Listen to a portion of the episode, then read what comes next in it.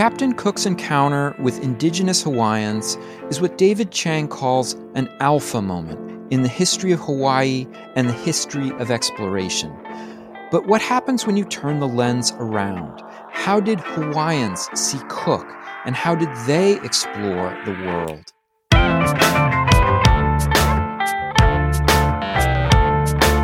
It's time to eat the dogs. I'm Michael Robinson. Today, David Chang talks about the history of indigenous Hawaiians, the Kanaka Maoli, as explorers and geographers of the world. Chang is a professor of history at the University of Minnesota. He's the author of The World and All the Things Upon It Native Hawaiian Geographies of Exploration. David Chang, thank you so much for talking with me. Thank you very much for having me. I'm pleased to be able to talk to you today. So, what do we know about the Hawaiian people who are known as the Kanaka Maoli, the indigenous people of Hawaii? What do we know about their history before the 19th century? Or right before Cook showed up in the in the late 18th century, we know quite a bit of history about them. And the the richest source in the history of the Kanaka Maoli is the the the narratives, the stories, the songs which contain that history, which is a history that's often a, a history of political succession and chieftainship and kingship and rivalry. It's a history of migration.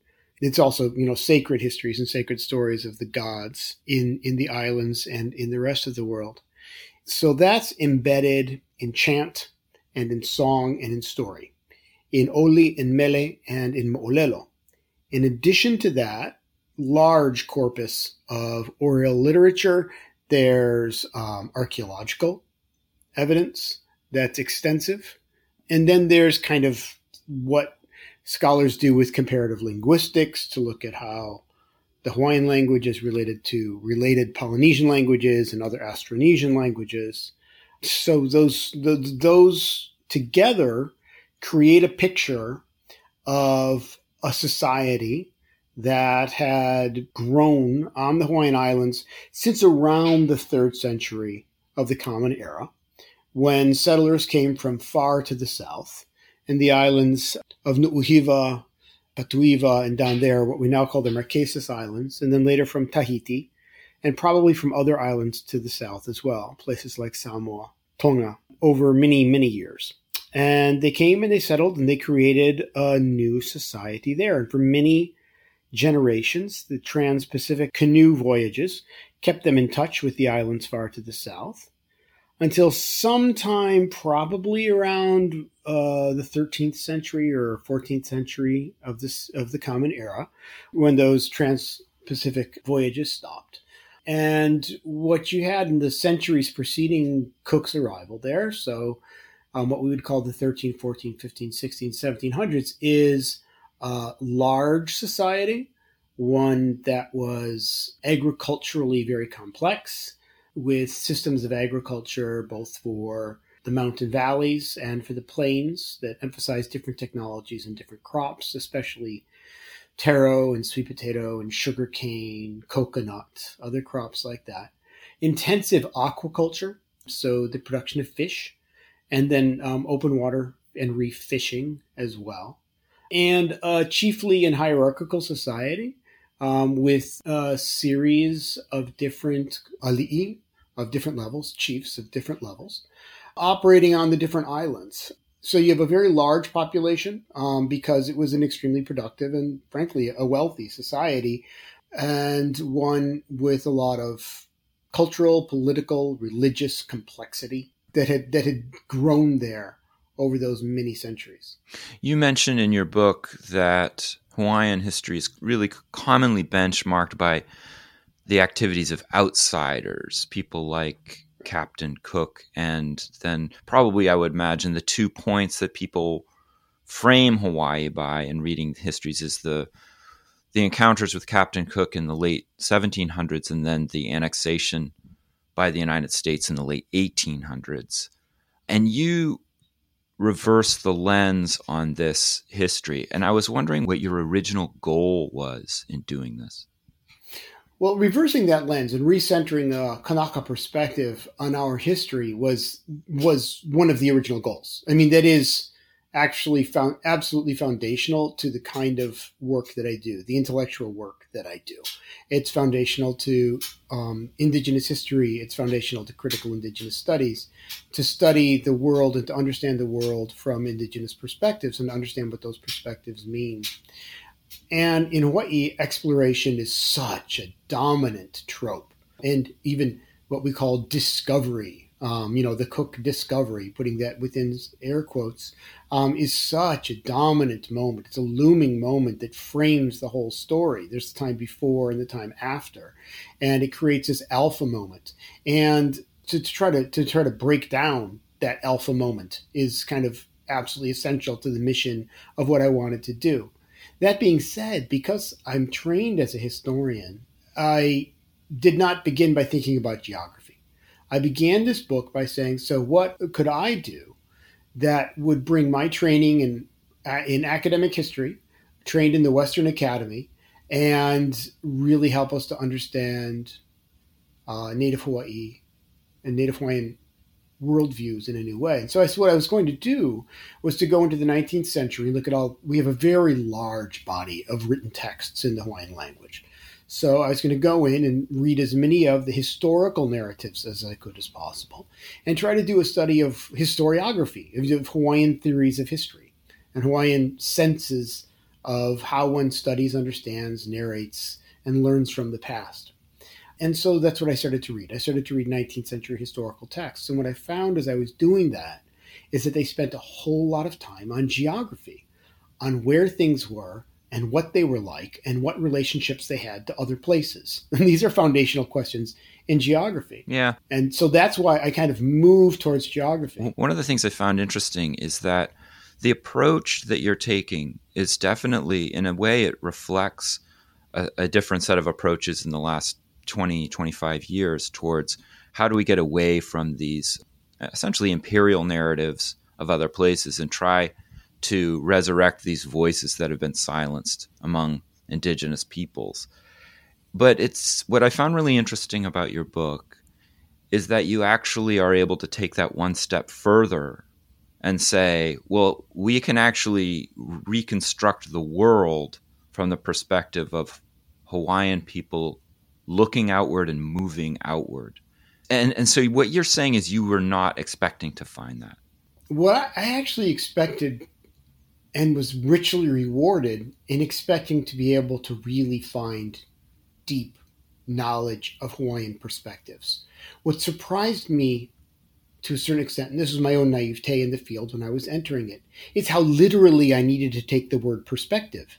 Because when we talk about perspective in history, we generally speak metaphorically. It's like, what do you think? Well, what does Frank think? I don't know. Yeah. But here I was it really was very spatial. Because to look at the world from Hawaii was to look at the world differently than to look at the world from the ocean and to look at Hawaii. So, in other words, to look out from Hawaii's shore is to understand Hawaii in a better sense, to understand the world, to understand A, Hawaiians' understandings of the world, but B, offered us a deep understanding, I would say, of the 19th century, of this time of rapid imperial expansion and settler colonialism. It helps us to understand the Hawaiian world, but also helps us understand the world, okay, in that period. So it was very exciting to me to see this spatiality erupt very directly and very literally into my work. Um, and that happened partly through the Hawaiian language as well, because as I talk about in the book, the Hawaiian language is acutely sensitive to direction and perspective we talk about the direction in which things travel, whether towards the speaker or away from the speaker. There's a whole series of grammatical markers that talk about the kind of the relative motion of things. And so reading texts in Hawaiian really took the place of perspective of where one stands and how it understands the world, and it brought it directly to the fore. Simultaneously, I was reading critical work in geography, which really emphasized that kind of the classic Enlightenment European geographical notion of understanding the world from the outside as a scientific observer entirely removed from the process was a fiction and was a fiction that was related to the imperial processes of mapping in the imagination of the European Enlightenment as the mastery of the world. And so it was exciting to me to see that. One of the big stories in which you describe this difference of perspective is the story of Samuel Kamakau, who writes about the Hawaiians' first encounter with Cook in 1778. What does he write about this encounter? I think he's writing in the 1860s. What does he write about this encounter, and and why do you think it's significant? Well, here's one thing that doesn't really come across very strongly in my account in the book, but the first thing to say is Kamakau does not make that the originary moment for Hawaiian history. Yeah. Okay. That's an event that happens within a long narrative of Hawaiian history, including encounters with outsiders that preceded that as well. Uh-huh. Um, here, I'd be leaning on the work of Noenoe Silva of the University of Hawaii, who's very much emphasized that. So, first of all, there's just as in my book, I'm careful not to start with Cook. Because if you start with Cook, the alpha moment for Hawaii is European arrival. So we must first we must first never make that, if you will, chapter one. Yeah. yeah. Um, and then so he does that, I do that, and it's very important, Kanaka, for us to tell the story in that way.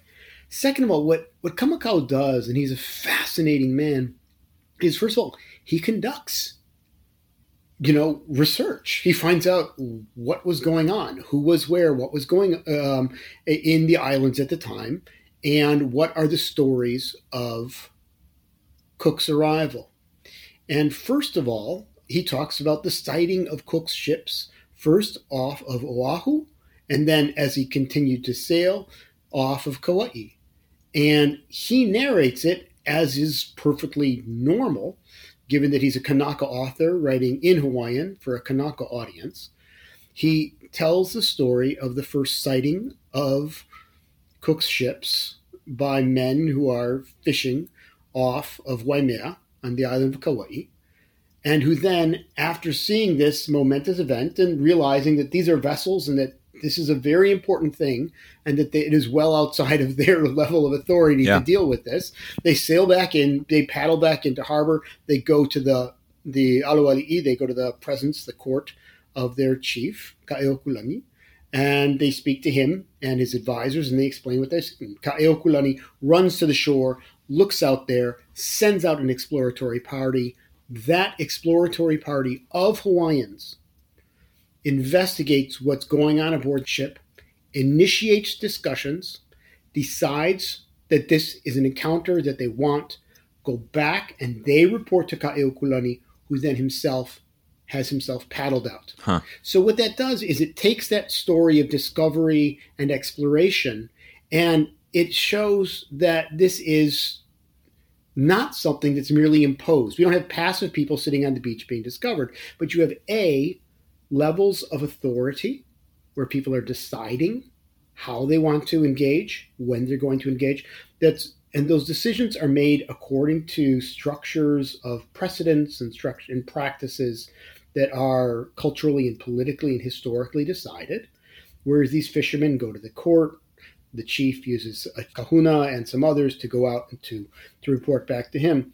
It recasts the entire encounter in a way that's profound where instead of having what you know Europeans generally it, it's over and over that we see people chattering natives on the beach, right?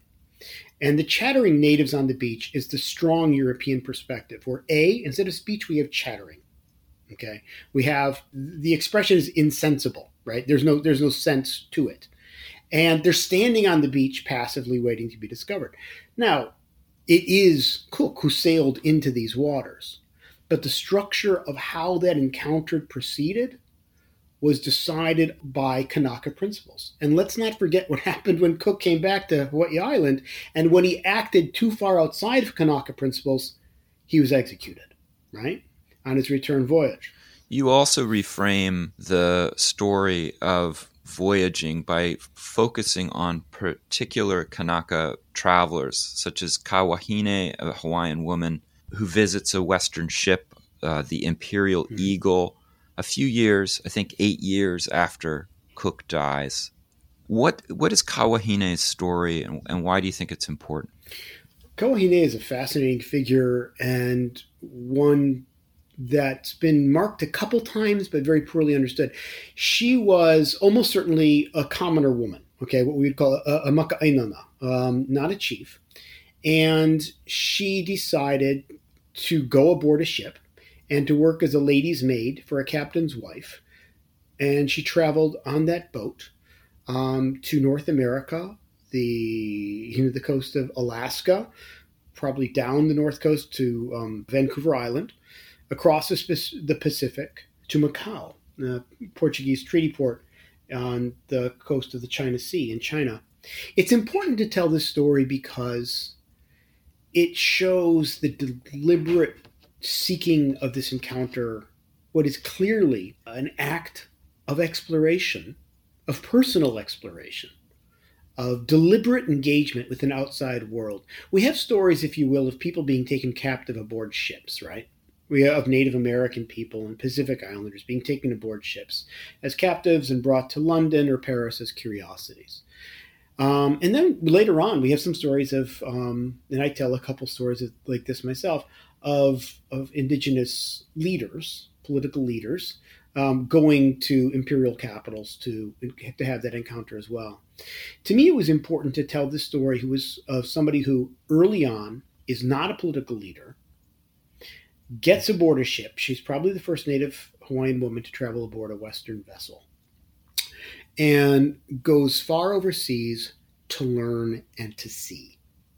There's the desire to know. And I wanted to show this desire to know as one that was a Hawaiian desire. Yeah. And it was not my invention, this was her action. Um, and it's a very moving one because it's, it, it goes outside of our expected norms. And it's also the gendering of the story is very powerful. The story is so powerfully male. The story of Cook and the story of the chiefs, and they always emphasize the male chiefs, even though the female chiefs were, were, were extraordinarily powerful at this time.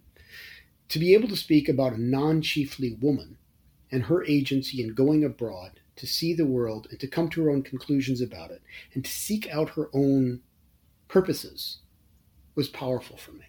You also profile a book, or actually, I guess it's a series that's published in a newspaper.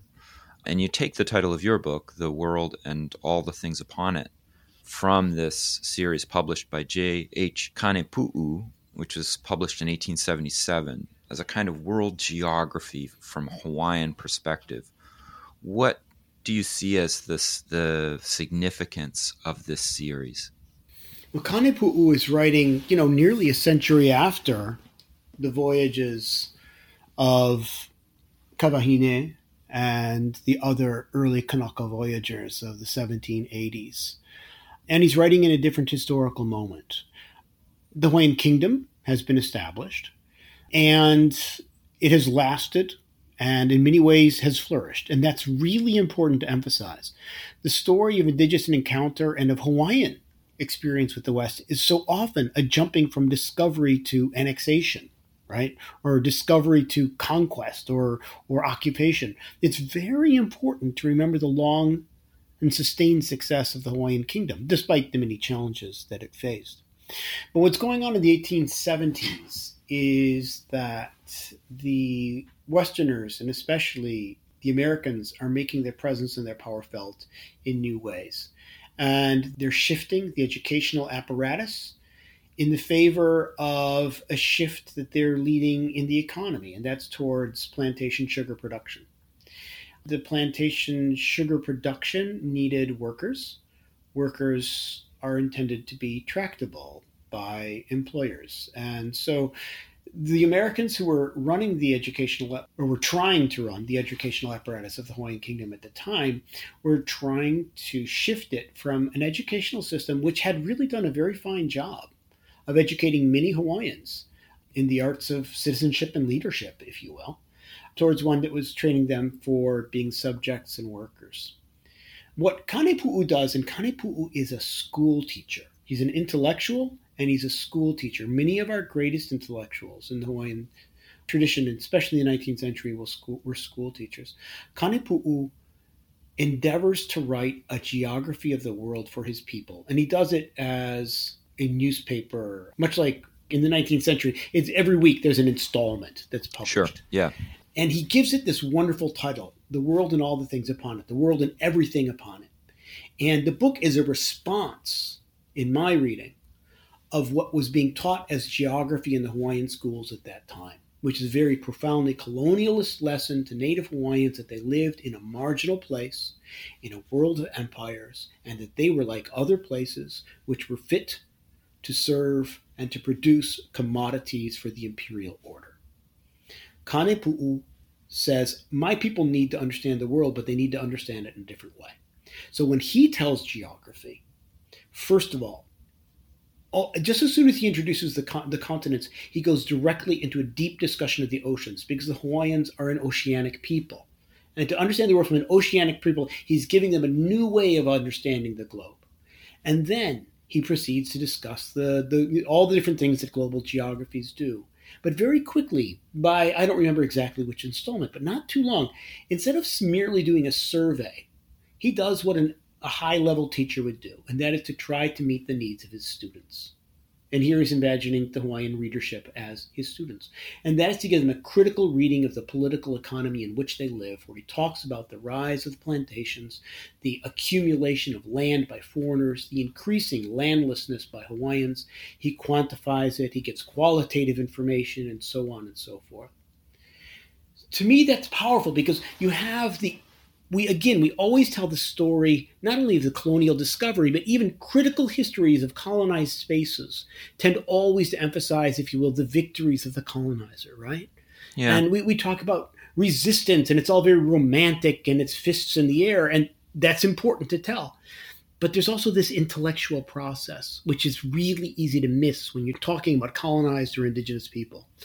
But Kanepu'u is an intellectual. He sees his people as having intellectual ambitions and needs, and he meets those by talking about global geography in a way that centers and speaks to their present needs and the needs for future action by talking about Western power and land tenure. It's it's an astonishing piece of work. You know, your your discussion of Kanepu'u, as well as really the way you frame your book, it brings to mind this question about you know, how do we study exploration? And this is a question I wrestle with a lot because at one level, um, when you see how dominated this story is, as you said in the beginning, you know, dominated by the story of Cook. Cook is always chapter one. I think, oh, you know what? Exploration stories are just historically biased. They're biased towards a Eurocentric framework. And what we need to do is we need to expand that framework so that we can talk about the exploration of all of these different groups of people. But then this other part of me, listening to what you just said, which is, you know, there are ways in which the, it's not just, let's say, a geographical bias. There's also a bias of what do we mean by exploration? It's a certain kind of knowledge. It's a knowledge that uh, enhances, I think in, in your book you said that it enhances the Western, the male, the schooled, the modern, the scientific, and ignores the female, the archaic, the mythological, the childish. And so I guess my question to you was do you think we should even be talking with the word exploration? Is it too freighted, in other words, to be the umbrella that we talk about Hawaii and other places and other cultures? Or do you think, yeah, we should actually make that attempt? We should we should speak about it under that that one big umbrella. It's a very good question. I am tempted to say that the word the word is so overwhelmingly imbued with the imperial and settler colonial ambitions which it built in the early modern period that it can't be salvaged, right? At the same time, of course, I deploy the word. Yeah. and I thought hard about it, Yeah. you know, and I ended up doing it. I mean, this is partly the question of indigenous studies versus critical indigenous Huh. studies, if you will. Okay, to I mean, on the one hand, we could just reverse the telescope and say, well, here are Hawaiians exploring. But I take very great care in the book to not just do that.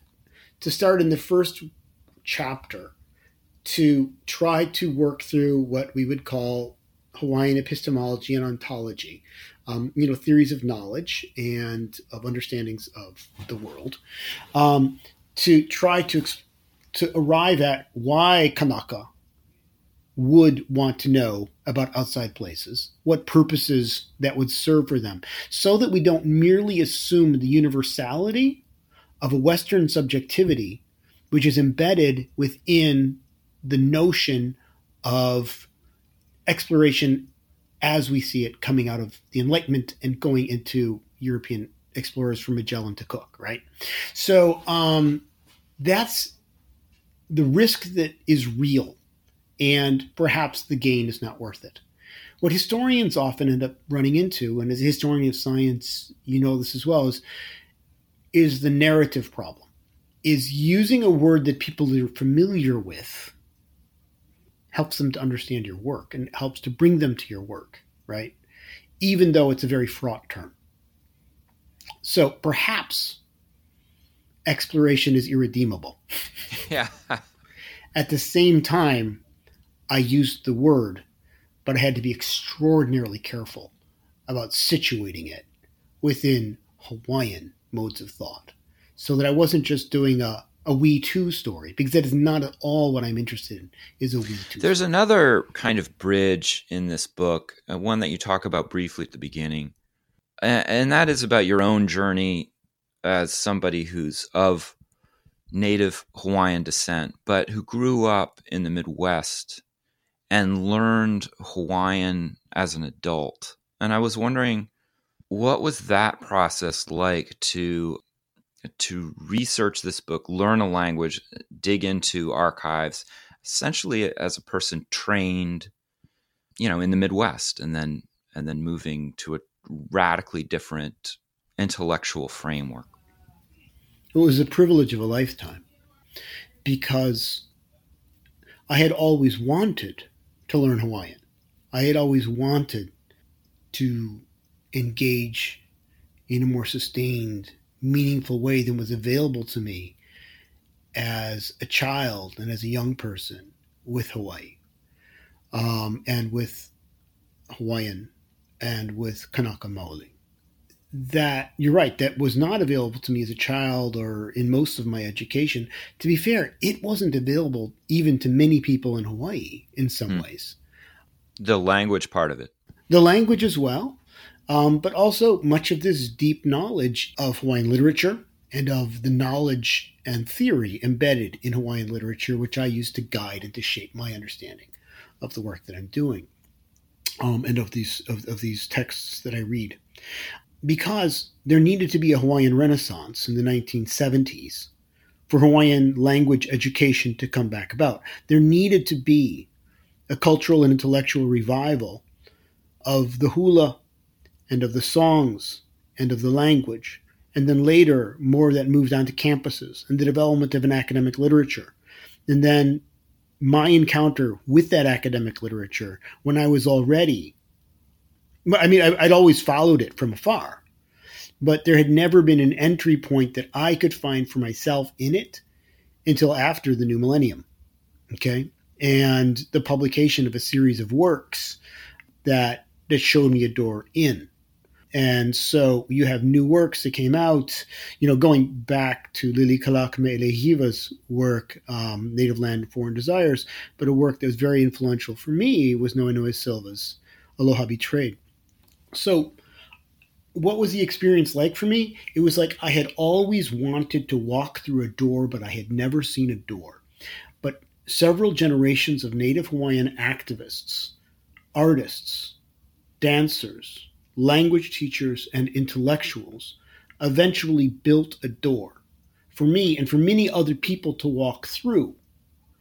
That door had been closed by the silencing by the violence of American settler colonialism, of the educational establishment, of the shame that was built around these things, about the literal outlawing of the teaching of the Hawaiian language, for yeah. a time, the outlawing of the hula. Okay. So it was astonishing for me. It was difficult, but it was the kind of difficult thing that one embraces as a thrill. What was the difficult part?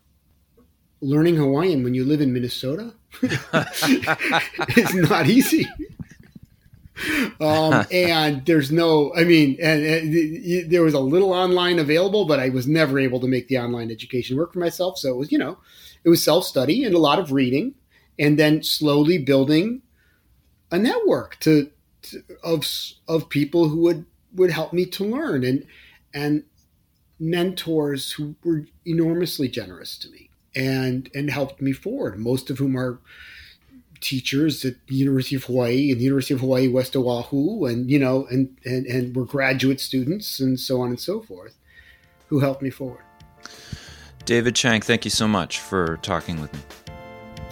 Thank you. I really enjoyed it, and um, I, I appreciated you reading the book and asking such interesting questions about it. That's it for today. The music was composed by Zabrat Make sure you check out the Time to Eat the Dog's website, podcast links, and other exploration related stuff. And if you get the chance, please take a minute to rate and review the show wherever you get your podcasts. It really helps make the show visible to new listeners. And if you want to recommend a guest or make a comment, feel free to contact me at time to eat the dogs, that's one word, lowercase, at gmail.com. See you next week.